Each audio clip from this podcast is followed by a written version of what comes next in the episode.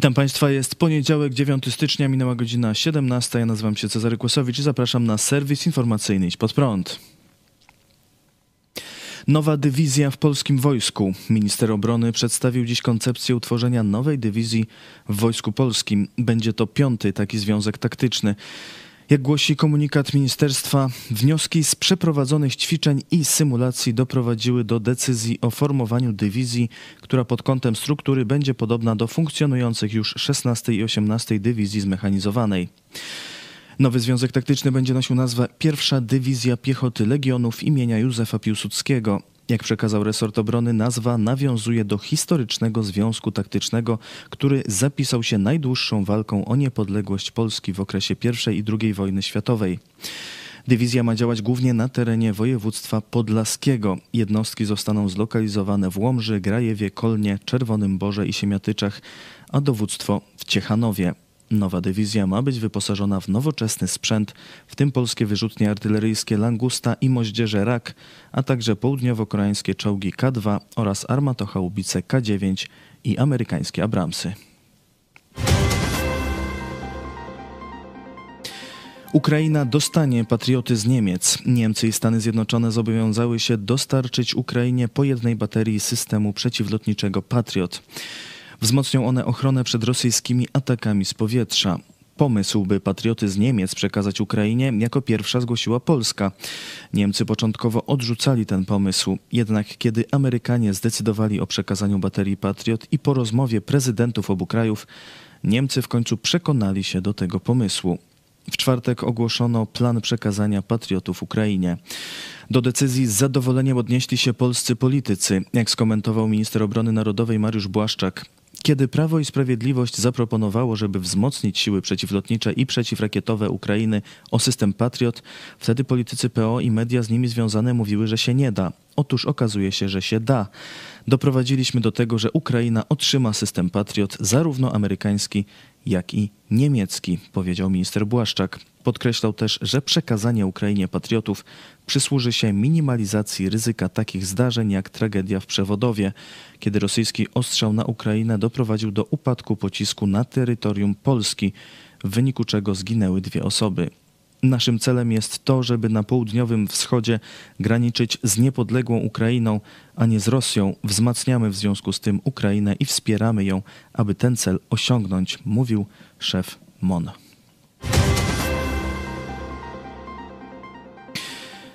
W niedzielę w stolicy Brazylii doszło do ataku zwolenników byłego prezydenta kraju Jaira Bolsonaro na budynki rządowe. Kilkaset osób wdarło się do budynków Kongresu Narodowego, Pałacu Prezydenckiego oraz Sądu Najwyższego.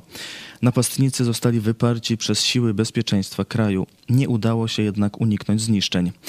Brazylijski minister sprawiedliwości Flavio Dino poinformował o zatrzymaniu 200 demonstrantów. W konsekwencji tych zdarzeń nowo wybrany prezydent Brazylii Luiz Inácio Lula da Silva podpisał nadzwyczajny dekret, na mocy którego pozwala rządowi federalnemu na interwencję i wdrożenie wszelkich niezbędnych środków do zaprowadzenia porządku w mieście.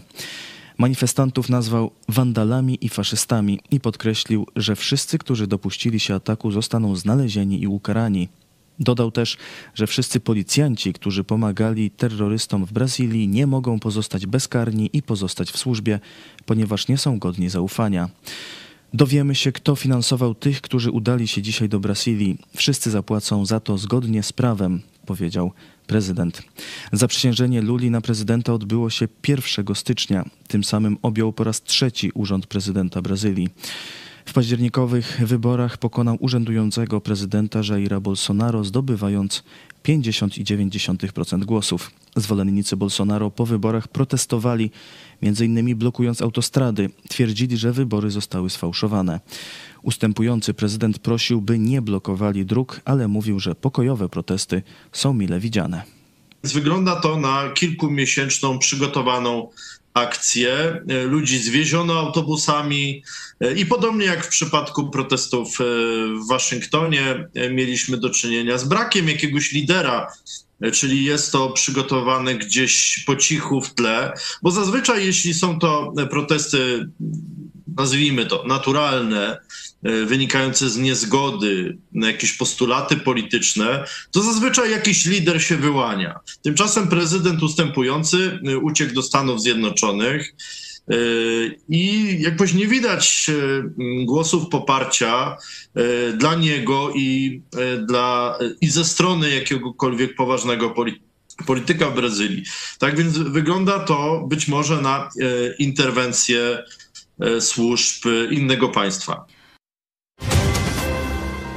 Protesty w, protesty w Izraelu. W sobotę w godzinach wieczornych na ulicę Tel Awiwu wyszło około 10 tysięcy osób, aby zaprotestować przeciwko nowemu rządowi premiera Benjamina Netanyahu. Protestom przewodzili lewicowi i arabscy członkowie izraelskiego parlamentu. Zdarzenie to miało miejsce kilka dni po zaprzysiężeniu nowego rządu. Według demonstrantów polityka nowo wybranych władz kraju zachwieje instytucjami demokratycznymi, dając im absolutną władzę, która utrudni działanie systemu sądownictwa w państwie.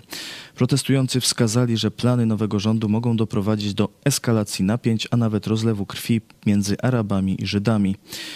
Pod koniec ubiegłego roku nowa minister do spraw misji międzynarodowych Orit Strok poinformowała, że jej partia Religijni Syjoniści przygotowuje już ustawę pozwalającą lekarzom odmawiać leczenia osób ze środowiska LGBT z powodów religijnych.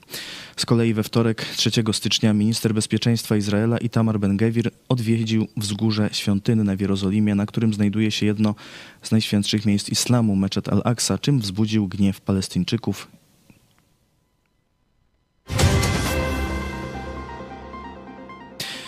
W sobotę w Iranie stracono przez powieszenie dwóch kolejnych uczestników protestów, jakie wybuchły przeciwko brutalnemu islamskiemu reżimowi po śmierci Maxy Amini, dziewczyny zakatowanej przez irańską policję moralności.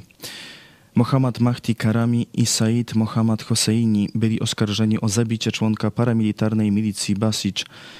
W tej sprawie wyrok śmierci zapadł też wobec trzech innych uczestników protestów, a 11 osób skazano na kary więzienia. Oskarżeni odwoływali się od wyroków. Informowali, że ich zeznania były wymuszane torturami, jednak islamski reżim nie ugiął się i utrzymał wymierzone kary. Nie pomogły też apele z całego świata ani rozgłos, rozgłos jaki tej sprawie nadano w światowych mediach. Mohammad Karami, jeden ze straconych Irańczyków, był karateką, członkiem irańskiej drużyny narodowej, mistrzem kraju.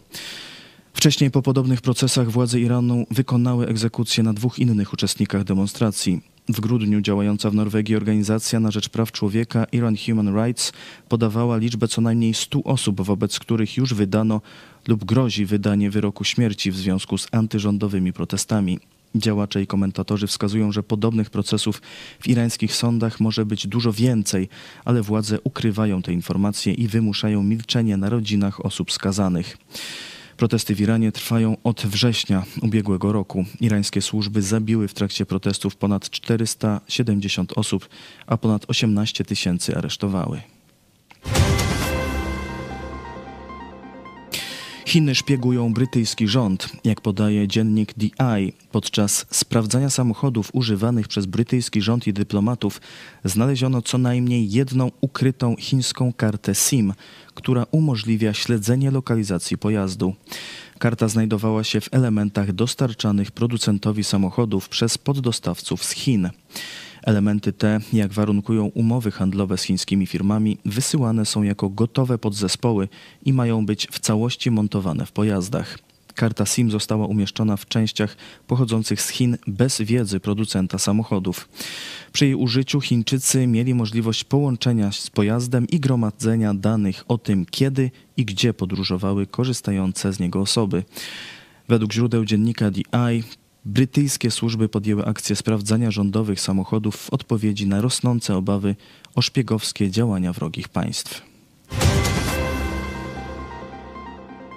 To wszystko w tym wydaniu serwisu. Dziękuję Państwu za uwagę. Kolejny serwis jutro o 17, ale jeszcze dziś w telewizji Idź Pod Prąd o 18.